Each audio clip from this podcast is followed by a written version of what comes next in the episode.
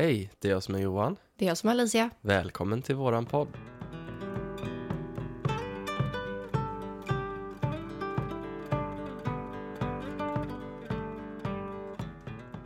Då var det dags för del tre av Survival Guide för ett andligt uppvaknande. Ja, Och det här är sista delen. det är det. Så hoppas ni har tyckt om del ett och del två. Så får ni Ja. en avslutning på den här. Jag tycker det har varit jättekul att göra en liten eh, serie, Ja, en miniserie. ja, men det är alltid roligt när man har så mycket som inte får plats i ett och samma avsnitt. Vi kanske ska försöka klura ut någon ny sån här liten serie. Ja, och vi kan ju kolla de avsnitten vi redan har om vi kan göra någon fortsättning på dem. Ja, Mm. det tycker jag är kul. Men idag ska vi prata om några sätt att ta hand om sin andliga hälsa. Mm. Och vi ska också svara på frågor kring andligt uppvaknande. Ja, Ja. Eh, men jag tycker vi börjar med det här med hur man tar hand om sin andliga hälsa. Eh, För det finns ju ganska mycket där. det gör det, verkligen. Och den första frågan är ju då, vilka fördelar finns det med andlig hälsa? Ja. Och eh, fördelarna med att vara en andlig person är ju oändligt många. Mm. Eh, sen så är det ju självklart inget måste, men eh, det kan ju i alla fall skapa en känsla av att man har ett syfte, att man har en tillhörighet. Alltså jag tänker många blir ju religiösa eller går med i Mm. eh, ja, olika former av rel religioner just för att känna samhörighet. Ja, för det vet jag själv när vi gick eh, konfirmation till exempel. Jag fortsatte ju med smågrupp hette det ju efter konfirmationen och det var ju väldigt härlig gemenskap. mm. Och det är det när man Men- har bra värderingar. precis. Det är ju det vi människor behöver. Mm. Och sen tänker jag även det här med inre frid. Mm. Att även om allting i det fysiska livet inte är så bra, så om man har en andlig Uppfattning. uppfattning Mm. så är det allt man behöver egentligen. Exakt.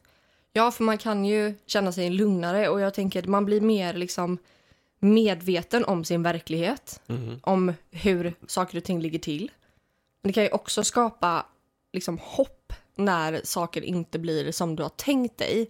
Eller när, hur ska man säga, när saker och ting kanske inte går som man vill. Exakt.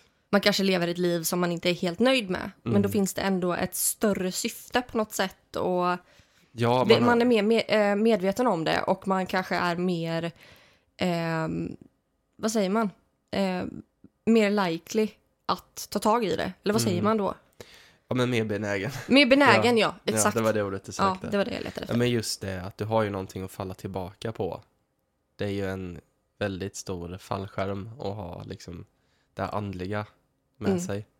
Verkligen. För det största med spiritualitet är ju att det ger ju hopp när det känns som att det inte finns någonting som är bra. Mm. För har man inte det, har man ingen, alltså inget syfte, ingen tro på någonting bortom det här livet, Mm. då kan det ju kännas väldigt tungt när det här livet går lite nedförsbacke. Mm. Nej, Lite uppförsbacke. Ja, men jag säger alltid nedförsbacke, jag tänker nog när det dalar. Men jag har ju som ett eh, citat. Eh, och det är att mitt liv har varit en uppförsbacke. Men Ja. nu jävla går det ut för. Exakt så tänker jag med. Mm. En uppförsbacke går ju långsamt liksom. Ja. Ja. Men eh, det finns ju väldigt många andliga övningar som kan hjälpa en att hitta eller skapa den här inre friden i sig själv. Mm. Och vi ska gå igenom åtta sätt som du kan stärka din andliga hälsa på. Mm. Eh, och vissa människor finner ju spiritualitet genom religion, andra inte. Och det finns inget rätt eller fel för att eh, uppnå eh, andlig hälsa. Det Nej. finns inget sätt som är rätt eller fel. Man behöver inte tro på någon gud eller gudar. Man behöver inte Nej. heller tro på en universell energi. Nej, Utan, det är vad det är. ja, Ja. andlighet är väldigt individuellt skulle jag säga. Det, alltså, jag tänker så här, grunden i det är att man Mm. tror på själen. Ja. Att det finns Ja. någonting mer. Ja, att det finns något syfte Mm. med det livet vi lever här. Mm. Och sen så tänker jag att om man är osäker på var man ska börja så är ju det här eh, ett väldigt bra, en väldigt bra guide. Mm. Eh, så nu ska vi gå in på tipsen här tänker jag. Ja. Och det första är ju att ansluta dig till din tros gemenskap. Mm. Eh, eller om du är bara spirituell, andlig. Eh, vi har ett community på Instagram där det finns väldigt många som håller på med det som vi håller på med och som fokuserar mycket på sin andliga hälsa. Och att man liksom... Eh, ja, men, går med i den här gruppen på något sätt eller att man är aktiv inom den här gruppen och hittar gemenskap och vänner inom det. Jag tror just det är det nyckelordet, gemenskapen. Att man Mm. inte känner sig ensam. Verkligen. Och sen är det ju inte det här att man ska följa någon eller liksom Nej, dyrka någon annan eller så, utan det handlar ju om att hitta sig själv, tänker jag. Väldigt mycket. verkligen. Mm. Sen så finns det ju att volontärarbeta Mm. eh, eller att hjälpa andra. Och har man inte liksom den här gemenskapen så är ju det okej. För det finns ju andra sätt att känna sig men, ansluten till sin spiritualitet eller kopplad till sin spiritualitet och sin tro. Och menar, att hitta någonting som betyder något för dig och att ge tillbaka. Mm. Eh, för det är ju det här service to others som vi har Exakt. pratat om innan. Mm. Eh, att man eh, genom att ge får tillbaka. Eh, och här kan man ju arbeta liksom... Eh, ja, men det finns ju... Jag tänker för hemlösa finns det ju hjälp, alltså så här soppkök och sådana saker. Det finns, eh, man kan jobba på loppisar, man kan...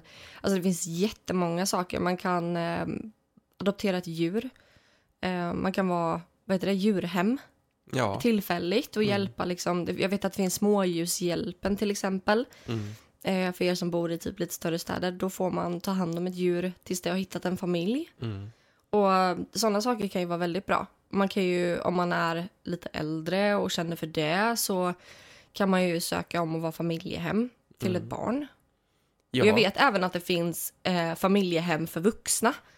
Eh, där det är till exempel kriminella som har kommit ur eh, fängelset och sen för att de ska anpassas tillbaka in i samhället så kan de bo hos en familj. Mm. Det tycker jag är fint. Ja, och där får man ju liksom släppa alla fördomar och sådär. Mm. Verkligen, Verkligen. ha ett öppet sinne. Mm. Och så tänker jag äldreboende. Blir Ja. jätteuppskattat om man kommer och hälsar på.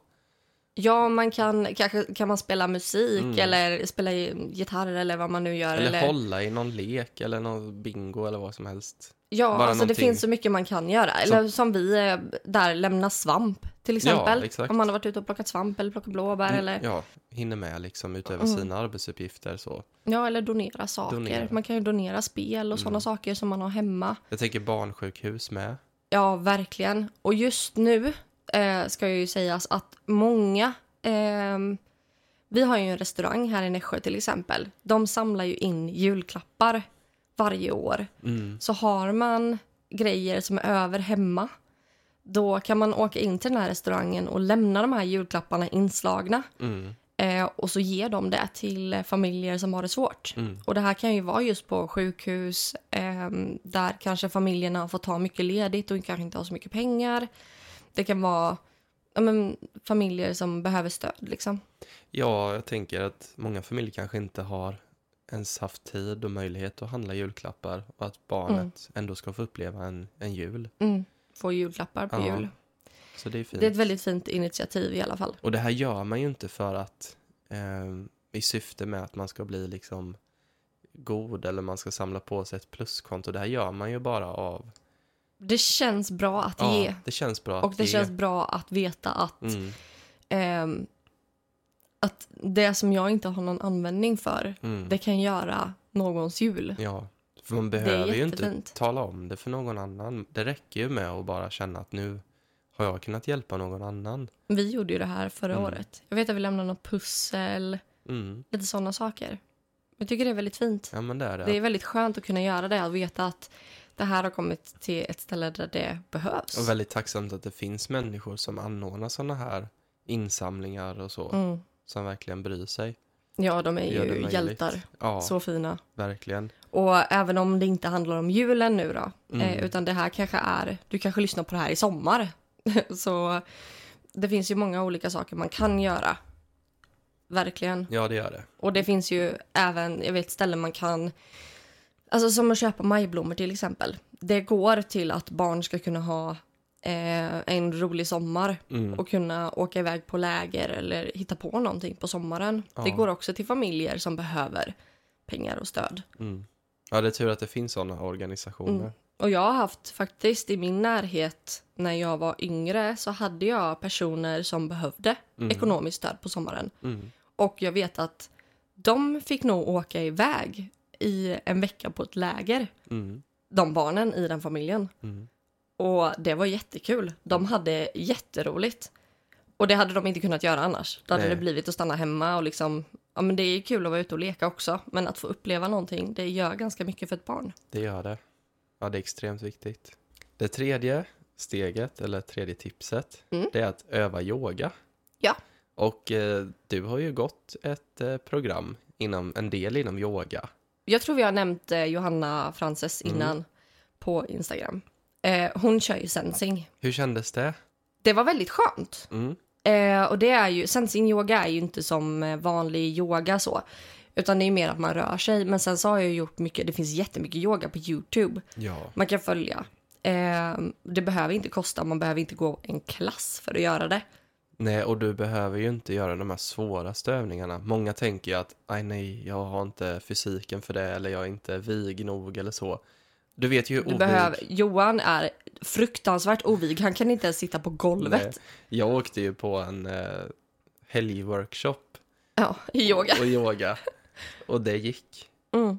De sa det att du gör så gott du kan utefter din kropp. Och Ja. då var det ju liksom Shivananda och Satyananda yoga. Alltså det var ju ordentliga övningar. Mm. Men det var ju, det var en upplevelse. Mm. Men jag tänker, det finns ju många olika former av yoga som passar alla. Och då tänker jag den här sensingen, den kan jag ju göra. För den är Den är så... väldigt lätt att göra Ja. och Johanna har övningar ute på sin Instagram Mm. faktiskt. Men där känner man ju att man kommer mer in tune med sin kropp. Mm. Alltså man hamnar mer i sig själv. Man landar väldigt mycket i sin kropp. Ja, det gör man. Samtidigt som man får den här, man kan känna alltså sin, vad ska man säga, sin spiritualitet på ett annat sätt. Mm. Just att man för ner det i, i, i vardagen på något vis. Ja, och just alltså sensing är ju jättebra. Det lossar ju bindväven. Mm. Eh, jag eh, löste jättemycket av min huvudvärk, spänningshuvudvärk med Mm. sensing.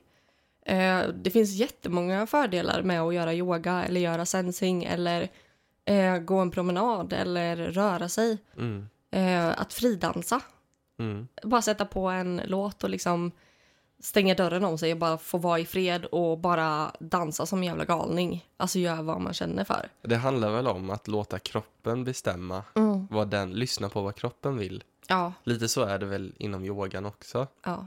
Att eh, lyssna vad vill din kropp Man ska känna liksom, det, låt kroppen styra. Mm. Mm. För den har ju ett behov oftast som man inte ger den.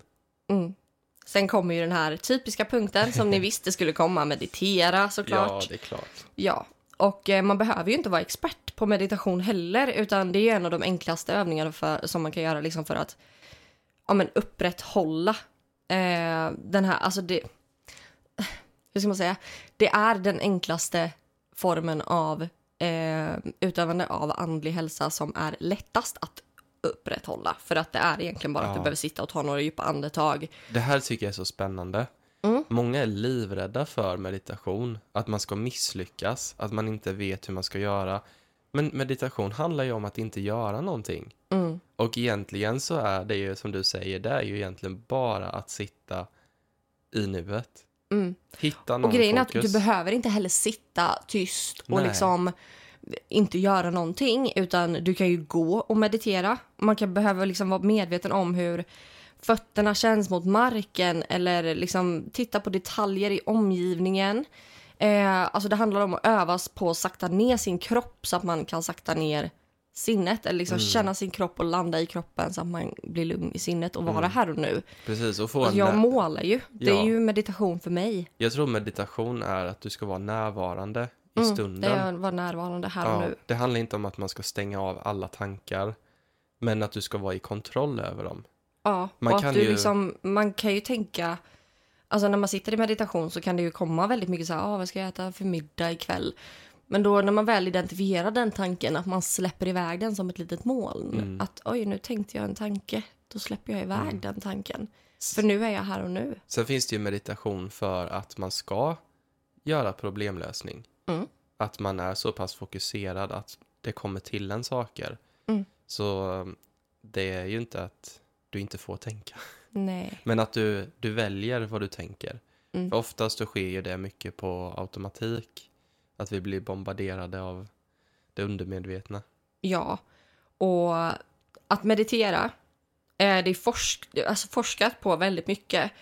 Och om du mediterar så lite som fem minuter om dagen så kan det här minska stress, depression och ångest. Och det ökar även din medvetenhet. Mm. Och det tycker jag är fantastiskt. Fem minuter om dagen. Det är ju bara egentligen sätta ett larm om man tycker det är svårt att komma ihåg. Mm.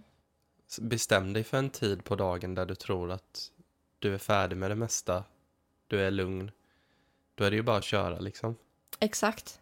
Och eh, sen finns det ju så här eh, guidade meditationsappar till exempel. Mm. Eh, jag har en som heter Insight Timer Mm. eh, som jag blev tipsad om. Eh, och där finns det en som heter Trollkungens gåva. Eh, en meditation som man kan söka. Eh, och den, den, gjorde tyck- vi den tyckte jag var bra. Mm. Du somnade när vi gick in i grottan, men eh, den var väldigt bra. Eh, och ofta så, när man gör guidade meditationer så... Jag, tycker, jag tycker det är bra just för att när man bara mediterar då är det väldigt lätt att man hamnar i sina egna tankar och att man ska göra det på sitt egna sätt.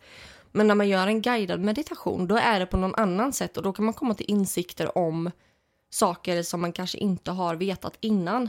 Mm. Och du har ju guidade meditationspaket Ja, eh, som man kan köpa. Vad kostar det?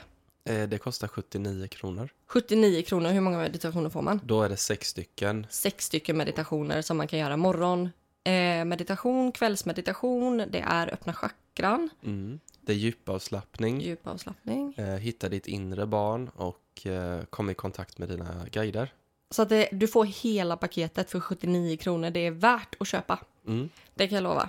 Och de Och kan man göra. De är ju skrivna av mig Ja, och upplästa av dig. ja. Jag har ju varit med och skrivit två utav dem i alla fall. Ja. Men de kan man ju göra hur många gånger man vill. Det är ju inte bara en engångsmeditation. Nej, du får meditationen för resten av livet för Mm. 79 spänn. Det är ganska värt det. Det är det. Ja. Eh, sen finns det ju andra appar som till exempel Calm vet jag. Det finns en app som heter. Mm. Eller typ Balance. Det finns Eh, Det jättemånga. finns jättemånga och jag tror det finns så mindful meditation. Ja, Det finns jättemånga olika. det gör det. Och det femte tipset, det är att skriva en dagbok. Och det här är någonting som jag börjar med idag. Mm. Jag har satt en deadline för mig själv att idag börjar jag skriva dagbok. Mm. Så från och med idag så kommer jag skriva dagbok varje kväll. Och hur tänker du skriva den? Jag tänker att jag kommer friskriva mina känslor eh, för att bearbeta mina känslor. För det är extremt viktigt och att bli mer självmedveten. Att få ner dem? Eller Ja. få ur dig dem kanske? Det, det förbättrar ju sömnen. Mm. Om man skriver direkt innan man ska sova, då kan man också skriva en liten eh, lista om saker man ska göra imorgon. Mm. Så att man får ur det ur huvudet. Man kan skriva vad man är rädd för, vad man är eh, stressad över. Eh, man kan ju... Alltså, det, är, det ökar ju också medvetenheten. Man Mm. blir väldigt men självmedveten och man blir medveten om vad man har för problem i sin vardag. Man blir eh, medveten om sin, sitt humör, sina Mm. humörsvängningar, vad man Mm. känner. Man kan ju göra som en liten tracker högst upp också på varje sida. Att så här, idag har jag mått fem av tio eller åtta av tio. Eh, där noll är ledsen, där tio är jätteglad. Eh, så kan man liksom mäta hur bra dag man har haft. Och, alltså det finns så mycket man kan göra med en dagbok. Och sen så finns det ju vissa listor med liksom... ehm, Färdigskrivna liksom. vad ska man säga? Prompts, Ja. heter det på engelska. Vad heter det? Instruktioner typ. Ja, Eller- eller, typ som en mening. Ja. Eh, så här, idag ska jag skriva om ehm, Man får lite start eh, liksom. varför är naturen viktig för mig? Eller vem, vad är jag tacksam för idag? Eller eh, vad har jag i mitt liv som triggar mina känslor? Eller det finns väldigt många listor med så här, ja, men alternativ på vad man kan skriva om. Mm. Eh, och det Om man tycker jag är tycker det är svårt att veta var man ska börja. Om man bara här, kära dagbok. Ja. Alltså man behöver inte göra så, utan Nej. man kan svara på en, frå- en fråga per dag. Ja. Liksom. Man kan ge dagboken ett svar. mm, det kan man göra. Sen har ju vi i webbshoppen också en eh, för tacksamhet En tacksamhetsdagbok. ja, och en för manifestation. Mm. Mm. Jag älskar ju tacksamhetsdagboken. Den är väldigt fin. För den är ju färdig ifylld så där svarar man ju Ja. lite på punkter typ. Så där skriver man ju vad man är tacksam för, vad man ser fram emot imorgon. Mm. Man fyller i eh, sitt humör, tror jag. Ehm, nej, det kanske man inte gör.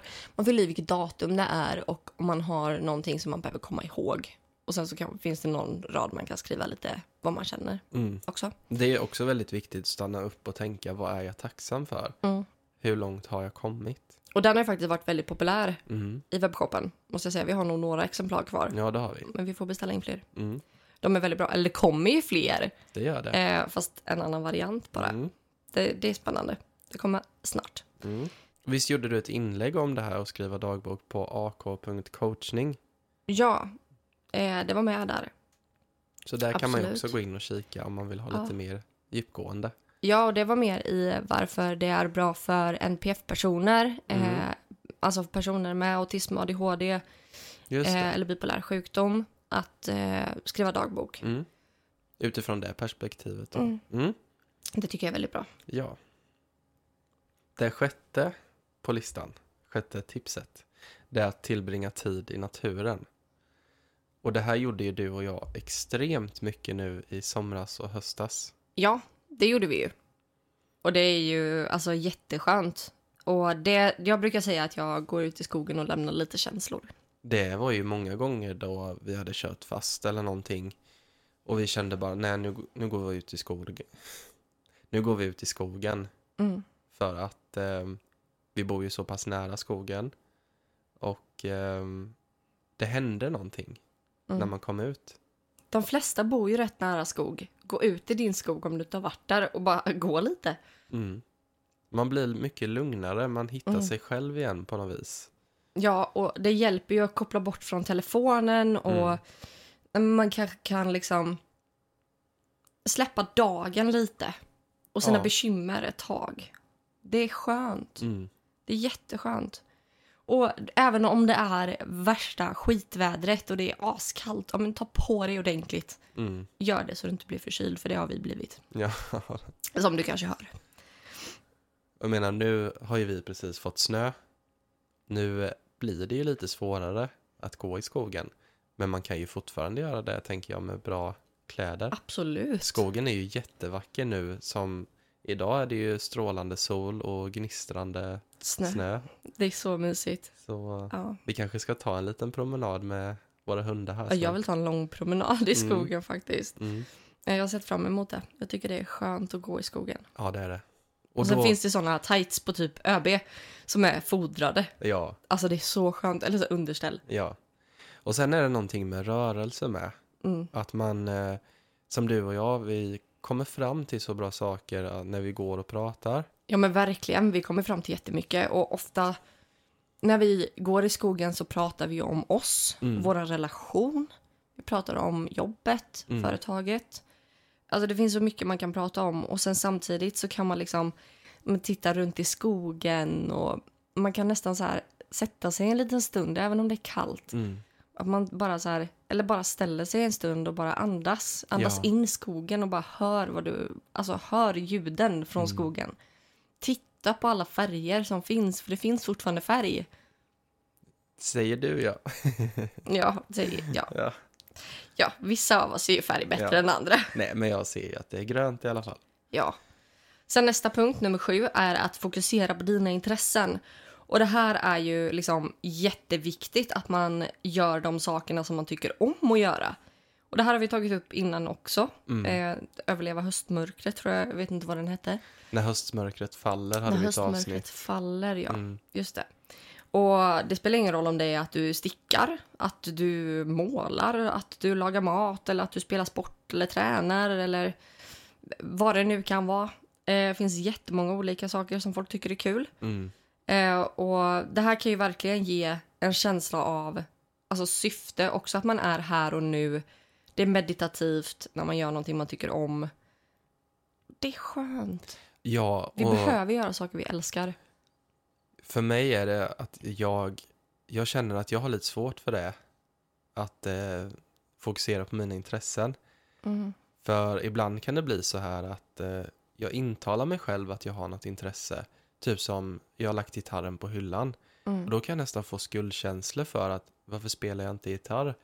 Fast jag känner inte för det. Mm. Alltså bara för att du har haft ett intresse tidigare så betyder det inte att du ska tvinga dig själv till att upprätthålla det. Nej, verkligen inte. Utan du måste ju verkligen känna den här känslan av att nu vill jag göra det här. Mm. Och det, Det ska den, ju kännas bra. Ja, det är när den känslan kommer som man ska ta sig tid till det. Det ska inte vara tvärtom, att nu tar jag mig massa tid till att göra massa intressen och sen vet man inte vad man ska göra och så gör man någonting som man absolut inte känner för. Mm. Så, Och ibland så kan det vara så att man inte har någonting som man tycker är kul. ja, Då kan man ju skriva eh, lite såna, svara på lite sådana frågor. Till exempel att vad är jag nöjd med i mitt liv? Vad är jag inte nöjd med i mitt liv? Vad vill jag ha mer av? Vad vill jag bli av med?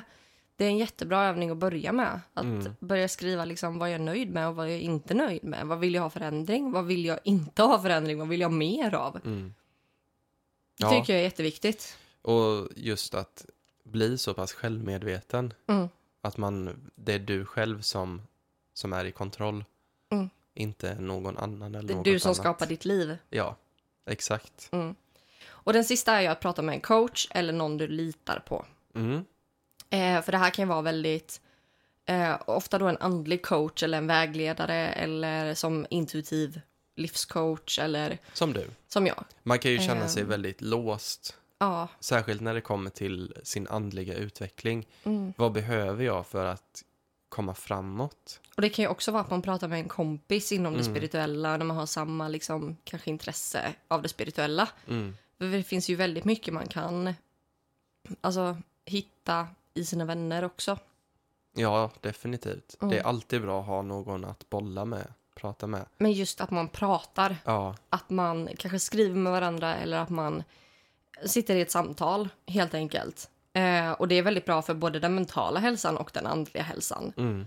Eh, och det finns liksom, det finns ju de som är utbildade, till exempel intuitiva livscoacher eller vägledare eller ehm, sådär, som man kan, eh, man ska ju gå till den man känner för, såklart. Man måste ju ha en Ja. kemi också för att det ska Självklart. bli bra. Ja, verkligen. Och man, det kan ju också som sagt vara kompisar inom communityt eller inom den trosuppfattningen man själv har. Mm. Men liksom att kunna prata om saker, bolla liksom såna här, såna här ämnen som du och jag bollar i podden. Mm. Att liksom aliens eller... Det var ju därför vi startade den här podden, för att vi ville bolla alla de här sakerna. Så den här punkten är ju jätteviktig. Ja, vi vill ju inte vara låsta vid en viss genre. Utan vi Mm. vill kunna prata om allt, högt Mm. i tak. Och det är ju så som vi är som personer. Mm, Vi kan ju prata om allting. ja, verkligen. Så vill man eh, ha en grym coach så kan man gå till Alicia. Thank you! Ja, och eh, vi har ju tarotvägledning. Mm. Det är jag jättetaggad på att göra fler av. Ja. Jag har verkligen kommit in på det här med vägledningar nu. Mm. Jag är inne i någon sån fas. Jag tycker det är skitkul. Mm. Eh, och alltså jag har ju tider hela tiden. Eh, varje vecka eh, har jag ju tider. Ja. Eh, så att nej, det ska bli jättekul att börja göra det mer och mer nu. Mm. För nu har det varit väldigt mycket planering och sånt där Ja, ett tag. Det har det varit. Och nu kommer jag släppa på lite mer med tider. Mm. Eh, så Är man kan jag även vara så att jag kommer sätta ner mina tjänster lite ett tag Ja. under december månad. Mm. Och är man intresserad av att boka så gör man ju det på butiksbok.se. Då lägger man den vi i ju- kundkorgen och så eh, betalar man. Och sen eh, kontaktar vi via mail. Ja, och har man, har man frågor innan man, eh, så här, man kanske överväger att boka så får Ja. man ju skriva till oss Antingen skickar du ett mail eller skriver på Instagram Ja. eller så. Det är helt okej. Mm. Och då är det ju att familjens bok AB Mm. på Instagram eller AK-coachning. AK.coachning på Instagram. Ja, Mm. eller kontakta familjensbok.se. Ja, och det är bara att höra av er om det skulle vara så att man Mm. är sugen på att boka men man vill kanske ställa några frågor. Ja, Sen ska vi gå igenom lite här frågor kring andligt uppvaknande som vi ska svara på. mm. Eh, då är den första frågan, varför sker ett andligt uppvaknande? ja det är när det mänskliga sinnet då, the mind, Ja, när det står, eh, när man får en eh, existentiell Ja, kris. Det här har vi varit inne på i de tidigare delarna Ja. lite. Men det är när det sker en radikal förändring i Mm. livet. Om man liksom börjar se världens smärta Ja. och man kanske lider själv. En stark trigger Mm. skulle man kunna säga. Och då uppenbarar sig de här frågorna oftast. Varför jag? Ja, Den brukar ofta komma. man börjar ifrågasätta. Varför händer det här mig? Ja, Varför händer det inte andra? Vem är jag? Och sen utvecklas ju det till frågor liksom som typ, vad är mitt syfte på jorden? Vad är jag ämnad att göra?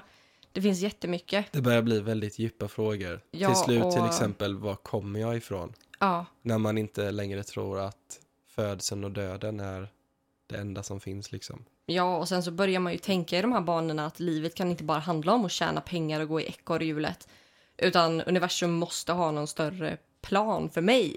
Ja, Det kan ju också vara varför lider människor? Varför är det så mycket lidande i världen? Då är man i något form av uppvaknande när man börjar tänka de här tankarna. mm. Och eh, när man hela tiden har de här frågorna i fokus och man söker svar på dem. Det kan man ju göra på många olika sätt. Mm. Genom meditation, genom att prata med andra. Vända sig inåt skulle jag säga är det bästa. Att inte Mm. söka efter svaren ute i världen. Nej. Men eh, det är ju då i den här processen som det andliga uppvaknandet sker Ja. faktiskt. Det är ju liksom inte så här att eh, ja, helt plötsligt så är du andligt uppvaknad. Alltså, Nej. det är ju en gradvis process. För Som, då kommer vi lite in på också eh, nästa fråga. Hur länge varar ett andligt uppvaknande? Ja, Och det här är ju unikt för varje person såklart. Eh, och det finns ingen så här bestämd tid för hur länge det håller på. minst ett år. ja, men, jo, men alltså det brukar väl vara i ungefär ett år. ja, Eh, men många kan ju uppleva det i många år. Eh, och sen så vissa upplever det i bara några dagar. Eh, men då kan det ju vara mer att man kanske har någon uppenbarelse. Eh, Ja. så, inte ett uppvak på det sättet kanske. det kan ju vara, alltså, så som jag ser det, där, har du haft ditt första uppvaknande Mm. så kommer du aldrig att gå tillbaka. Nej, så är det ju. Man kan känna att det kanske avtar lite i någon period, men sen Mm. att det kommer tillbaka igen. För så har det varit mycket för mig. Ja. Det har gått eh, väldigt mycket upp och ner, där man känner att okej, nu har jag varit i en period här i livet där jag inte har känt mig alls andlig. Jag har varit alltså, så inne i den fysiska materiella världen. Mm. Men sen hittar man på något sätt bara tillbaka. Ja, men så är Så det. det är mycket lättare att komma tillbaka om du har haft ditt första uppvaknande Mm. redan. Ja, men så är det verkligen. Det, är lite som att lära sig cykla. Ja, precis. Det är det verkligen. Nej, men det kan ju komma och gå lite. Mm. Men det, det är sant. Så att det kan ju hålla eh, också då i ett till tre år. Mm. Men det sa jag. Det sa du. Mm. Så att det är väl lite... Ja, man, man känner ju efter också när det börjar lugna ner sig. För Mm. att, som vi har, ni kanske har förstått om ni har lyssnat eh, alla avsnitten, är ju att eh, det kan vara ganska tumult. Mm. Det kommer vara ganska tumult, i alla fall det första. Mitt andra var jättejobbigt också. Ja, det- Eh, och nu är jag inne i någon också utvecklingsfas här. Så att nu händer det väldigt mycket. Det är Men- absolut inte som man kan tänka sig. Nej, det så är här, det sunshine inte. and rainbows. Nej, gud nej. Jag har haft utbrott och gråtit och varit katastrof liksom. Det är ju som att man blir transformerad i det Mm. här. Man måste Ja. gå igenom det här jobbiga Mm. på något vis. Nej, det har varit kaosenergi, Ja. verkligen.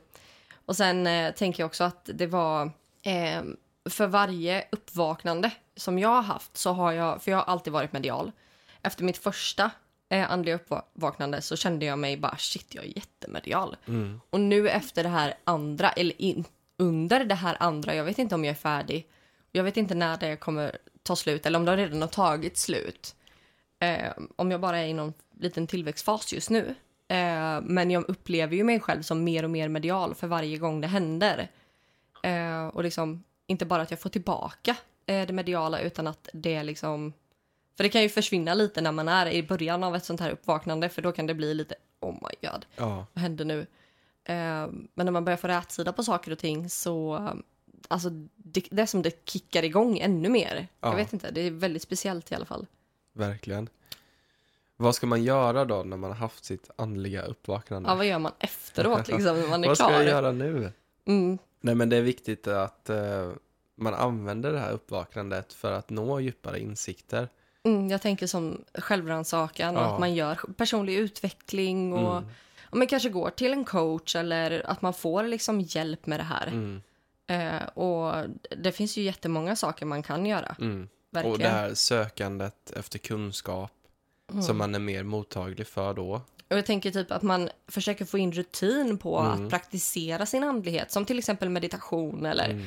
att man försöker läsa en bok eh, viss, många sidor i veckan. Att man liksom verkligen att fortsätter hålla i det och utforska det ännu mer. ja, och att det är du själv som sätter upp de målen. Inte Mm. att du ska följa någon annan som säger ja, du ska meditera si och så mycket, Mm. du ska läsa den här boken. Utan du ska lyssna till vad vill jag? Mm. Och då är det mycket lättare att anpassa det till vad vill din själ just nu? Vad behöver din själ? Det är inte Mm. säkert att någon annans själ behöver det. Exakt. Så det handlar Ja. om att Man ska, det är individuellt, man ska Ja. gå efter det som själen vill. ta kontroll över dig Mm. själv och ditt liv. Ja, Och det kanske inte är att meditera varje dag. Det kanske är Det har det något inte varit helt för mig. annat. det har det absolut inte varit för mig. Men jag vet ju hur lätt det är att hamna där i det här. Åh, jag har varit så dålig, jag har inte mediterat. Fast Fast nu känner jag ett sug för att ja, meditera och då, ska gör jag ju det. Ja. Ja, nej, men det Det- är verkligen så. Mm.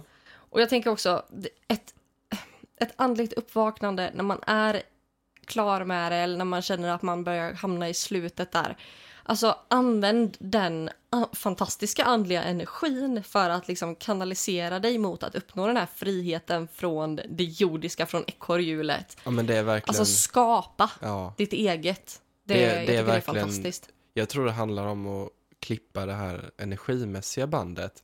Mm. Det handlar ju inte om att man ska säga upp sig från jobbet och leva i en stuga ute i skogen. Liksom, Även om det kan vara så för vissa. Så kan det vara. Mm. Men man kan fortfarande ha ett jobb. Man, Man, kan, fortfarande... bo i sin familj, man behöver Ja. inte göra slut med sin partner, man behöver inte Nej. sälja bilen och köpa cykel. Men det är, just Alltså. att, det är just att man känner att det här är inte syftet med livet. Det här är Exakt. liksom ett, ett medel för att kunna leva det livet jag vill. Mm. Sen finns det ju mindre, mindre bra jobb för ens hälsa. Ja, Då kanske man ska försöka hitta någonting som man ändå trivs med. men verkligen. Men i den här verkligheten på den här jorden, då lever vi ju i ett system där man måste ha pengar för att kunna på något sätt ta sig någonstans. Mm. Och det är ju inget icke-spirituellt med det, tänker jag. Mm. Utan det är ju bara att man, man använder de spelreglerna som finns. Ja. Så... Och de spelreglerna är de du sätter själv. Exakt. Mm. Nej, men just, jag tror jag vill komma till att man inte är mindre spirituell för att man tjänar pengar. Eller för att man, jobb, man har ett jobb som man trivs med. Mm. Man behöver liksom inte, som jag sa, gå off-grid för att vara en upplyst spirituell person. Nej. Nej, verkligen inte. Nästa fråga är varför hade jag ett andligt uppvaknande?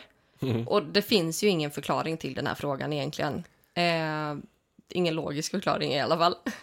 Men i grund och botten så hade du någon form av livsförändrande upplevelse. Eh, som i någon form av till exempel trauma Mm. eller att man började drömma väldigt mycket. Och att det här ledde en till att eh, uppnå det andliga uppvaknandet. Ja. Eller att komma i det. Ja, men någon form av en trigger skulle jag vilja Ja. säga ligger ändå till grunden. Det är liksom som en gnista Mm. som tänder en, en stubin. Ja. Och som sakta börjar pyra och sen till slut så exploderar det. Ja. Så Exakt. det måste finnas en gnista. Vad den gnistan är är väldigt individuell. För mig var det kometen Elenin som skulle komma och utplåna jorden 2011. Sen var Mm. det 2012. Eh, Nibiru, Planet X. Mm. Allt det här som började få mig att känna vad händer om jorden går under om ett år. Mm. Och då började de här Det frågorna blev lite komma. trauma. Och det var ju tack vare det här som var en motvikt, eller vad säger man, katalyst, för att det skulle Katalysator. ske. Ja, katalysator. Innan, in, inom mig själv. Katalysator. Katalysator. Det var, ju, Katalysator. det var ju det jag behövde för att ställa de här frågorna. Mm, Sen att det inte hände, det gjorde ju inte att jag gick tillbaka till det livet jag hade innan. exakt. Nej. Så. Ja. Och för dig så var det ju, jag vet inte hur det kom. Alltså det var ju mycket... Alltså jag hade ju panikångest där. Eh, var självmordsbenägen. Efter det så kom det igång ordentligt. Och då kanske det var att du hade den här existentiella krisen. Du Mm. började verkligen ifrågasätta meningen med livet. Ja, Och du behövde hitta det här andliga för att få någon form av, för att kunna leva. för att kunna leva vidare. Ja. Att det var det enda som höll dig kvar här på jorden. Mm. För hade du liksom varit fast i det fysiska, inte trott på någon själ eller någonting, då var det inte mycket som höll dig kvar. Mm. När du var så Nej. djupt, djupt nere. Nej, det var, det var jobbigt. Mm. Eh, och då kommer vi också till nästa fråga. Vad är själens mörka natt för någonting? Ja, Och det här är den tuffaste fasen innan du kommer in i ditt andliga uppvaknande. Och det var ju här jag hade som mest panikångest, var självmordsbenägen, även försökte ta mitt liv. mm. Och det här är en väldigt mörk fas. Eh, för man går igenom väldigt mycket smärta, man är väldigt förtvivlad, man är väldigt förvirrad. Ehm, man har på sig en offerkofta också. man kan känna Man tycker sig... synd om sig själv väldigt mycket. Man kan känna sig värdelös, överväldigad av världen. Har depression. Depression är Ja. ju liksom samlingsnamn för alla de här känslorna. Men det här är ju faktiskt fasen när själen gör sig av med ditt gamla jag Mm. eller sin gamla form. Eh, för vi behöver ju utvecklas i det här då. Mm. Så att det här är lite som när eh, en orm till exempel Exakt. byter skinn liksom. Mm. Och det kan göra väldigt ont. Mm. Jag har aldrig tänkt på att de har ont när de ömsar. Nej men det gör de ju inte. Det, jag tror inte det gör ont. Ja. Jag hoppas inte det. Men det kan göra ont för oss Mm. i alla fall. Jag tänker att det kliar lite. Ja, det, det är nog inte jätteskönt. Och sen är nästa fråga. Hur kan jag fortsätta uppleva det här uppvaknandet? Här är det ju självdisciplin Ja. egentligen. För att man inte ska liksom glida tillbaka så det är ju att du... här vill man ju ha de här rutinerna Ja. och få in de här rutinerna. Och det kan ju vara till exempel att du bestämmer dig för att du ska meditera regelbundet. Mm, Men då behöver du också göra det. För det är ingenting som liksom, ja men jag vill meditera mera. Oj, nu ska jag gå och laga mat. Alltså, du behöver liksom ha självdisciplin. Och Mm. det här är någonting som jag tycker är extremt viktigt. Jag pratar om självdisciplin väldigt mycket. Att du behöver vara i kontroll över dig själv. ja. Som när man går upp ur sängen på morgonen är det väldigt lätt att ligga och dra sig och snosa. Ett, två, tre. Jag gör det. Mm, Jag behöver gå ut och ta en promenad med hundarna. Okej, ett, två, tre. Så ställer du upp och gör det. mm. Alltså ett, inte- två, tre-metoden är det bästa jag vet. inte tänka så himla mycket på det. Mm. Och när någonting känns jobbigt så är det också viktigt att tänka, men varför Känns det jobbigt? känns det jobbigt? Mm. Då kanske man ska byta taktik och Ja. inte meditera utan då kanske man ska alltså, göra någon eh, personlig utvecklingsövning. Mm. Ehm, svara, skriva lite dagbok. Mm. Man kanske vill ta en promenad. Man kanske vill måla en stund. Mm. Man kanske vill eh, göra yoga. Man kanske vill... Alltså det finns så många olika saker. Jag tänker det är man lite kanske vill ta som... en fika. Ja, exakt. Det är lite som det här. Det är svårt att bestämma sig för vad man, vad man ska handla för mat i veckan.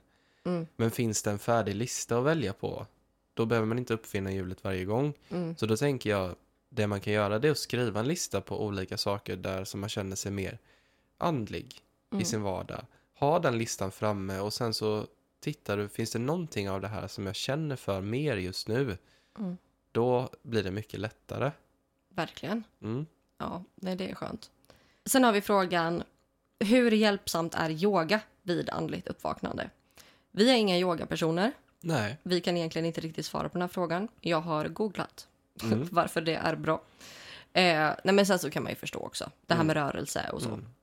Men yoga är ju ett sätt att koppla samman sin själ med eh, the mind och eh, the body. Ja. Jag tänker eh, mind, body, soul. Mm. Ehm, kroppen, själen och eh, sinnet kan man Mm. sätta, säga på svenska Mm. då. Eh, och det här är också att bli av med lite så här ja, men bakgrundsstök eller bakgrundsljud. Eh, och liksom så här saker som händer i periferin eller saker Mm. som liksom händer i bakgrunden hela tiden. Mm. Liksom att man får, att man blir mer fokuserad, så kanske man ska säga. Ja, Man håller sig liksom koncentrerad och får lite lugn i sinnet. Så att mm, yoga kan absolut vara ett jättebra eh, knep att använda. Ja. Och det funkar jättebra för att ta sig ur den här mörka fasen. Eh, för då behöver man landa i sin kropp. definitivt. Det behövde jag. Och jag vet att det är jättemånga som har fått ett andligt uppvaknande bara genom att testa yoga.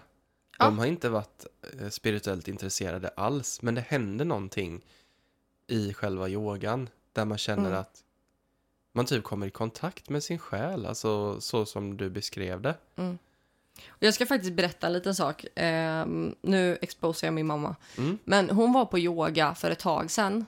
Eh, och det hände någonting. Mm. Eh, för hon bara började gråta från ingenstans. Mm. När hon, hon låg på golvet och bara började böla. Ja. Från ingenstans. Hon hade inte varit ledsen eller tänkt på någonting speciellt utan det var bara som att det kom någon blockering som släppte. Exakt. För det kan ju också vara så att när man gör yoga att man har olika blockeringar, energiblockeringar Mm. i kroppen. Och i vissa yogapositioner så släpps och frigörs de Ja. här blockeringarna. Och det kan vara jävligt kraftfullt. Mm. För det var som när jag fick massage av dig en gång. Det är lite samma sak, Ehm. att man berör vissa punkter där det kan ha byggts upp blockeringar. Exakt, jag vet för typ för någon vecka sedan när du masserade mig, då hade jag en energiblockering mellan mina axlar. Mm. Och då vet jag att du bara skickade lite healing dit. Mm. Och du är så jävla bra på healing så du måste gå en healingkurs nu. Mm. Men, men när den släppte, alltså det var också så här, så skönt Mm. för det första. Sen var det en annan gång när jag fick massage, tror jag, som jag bara började störtlipa från ingenstans. Då var det också en energiblockering som Ja, släppte. och det var ju inte för att det gjorde ont. Nej, Men det har, ju, det har jag gjort det en gjorde gång lite också. ont. Men, Nej, men det var en annan gång. ja, men det där Ehm, var ju mer. Det här, Alltså, du kunde ju inte ja. sluta gråta. Nej, Jag trodde ju först att jag hade gjort det illa. Nej, men det, det var inte den gången. Mm. Jag har gråtit också för att det har gjort ont. En gång. Mm. Men då har jag varit extremt öm i benet. Mm. Ehm, och hade inflammation i knät. Mm. Det var inte så bra. Men ehm, det, den gången var det verkligen så här, det gjorde inte ont. Alltså det var bara att det, Var det, det var någonting som känsla? släppte. Nej, alltså det gjorde ont i själen. Ja. Det gjorde riktigt ont när det släppte. Mm. Sen så var det så skönt efteråt, jag bara fortsatte gråta. Mm. Det var så skönt att släppa ut den känslan. För det sa ju min kursledare när jag gick massageutbildningen. Att det är inte alls ovanligt att ni kommer ha, han sa ju alltid patienter, Mm. som kommer börja gråta. Mm. Och vi kan inte förklara vad det beror på, men det är väl att det är så mycket som frigörs. Ja. Och jag tänker Det det att det kanske verkligen. har någonting med det här att göra, att det är någon, någonting själsligt som har satt sig. Ja, men så kan det verkligen vara. Det känns som att det finns mycket så här. Det finns så mycket frågor man kan svara på kring det här. Och jag tänker att vi, dagen som det här släpps, kanske lägger ut en eh, händelse där man kan ställa en fråga. Mm. Och så svarar vi Eh, på den. Så får vi svara på det om andligt uppvaknande och andlig hälsa. Mm. Eh, så har man någon fråga som har dykt upp under det här poddavsnittet eller de andra poddavsnitten så kan man bara gå in på Instagram idag, söndag, Mm. och eh, skriva sin fråga där i våran händelse. Ja.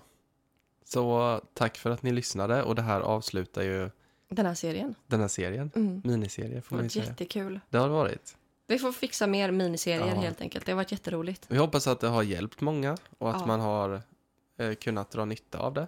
Verkligen. Mm. Nej, det är jättekul. Eh, hoppas verkligen att ni har lärt er något nytt Mm. idag. Och vi lär ju oss mycket bara genom att prata om det också. Ja, gud, det här är värsta så här, kunskapsbanken för Ja, oss. vi får, ju, vi får ju lite terapi med och så här insikter. Och just det. Mm. Så det här är väldigt nyttigt för oss också. Ja, men det är kul att vi kan göra det här all, allihopa tillsammans. Mm. För ni är ju med och skapar podden. Ja, Och tycker ni om podden så får ni jättegärna eh, skriva en kommentar på Spotify eller betygsätta våran podd. Mm. Det betyder jättemycket för oss. det gör det. Eh, och det är superroligt eh, att ni gör det. Det känns varmt i hjärtat. Mm. Nej, men så vi hörs nästa söndag igen. Ja, det gör vi. Och då får vi se vad vi pratar om, för vi har inte Mm. bestämt någonting. Nej, Nej, det spännande. får vi klura på. Spännande, spännande. Mm. Men ha det bäst till dess. Ja, ha det bäst. Hej då! Hej då.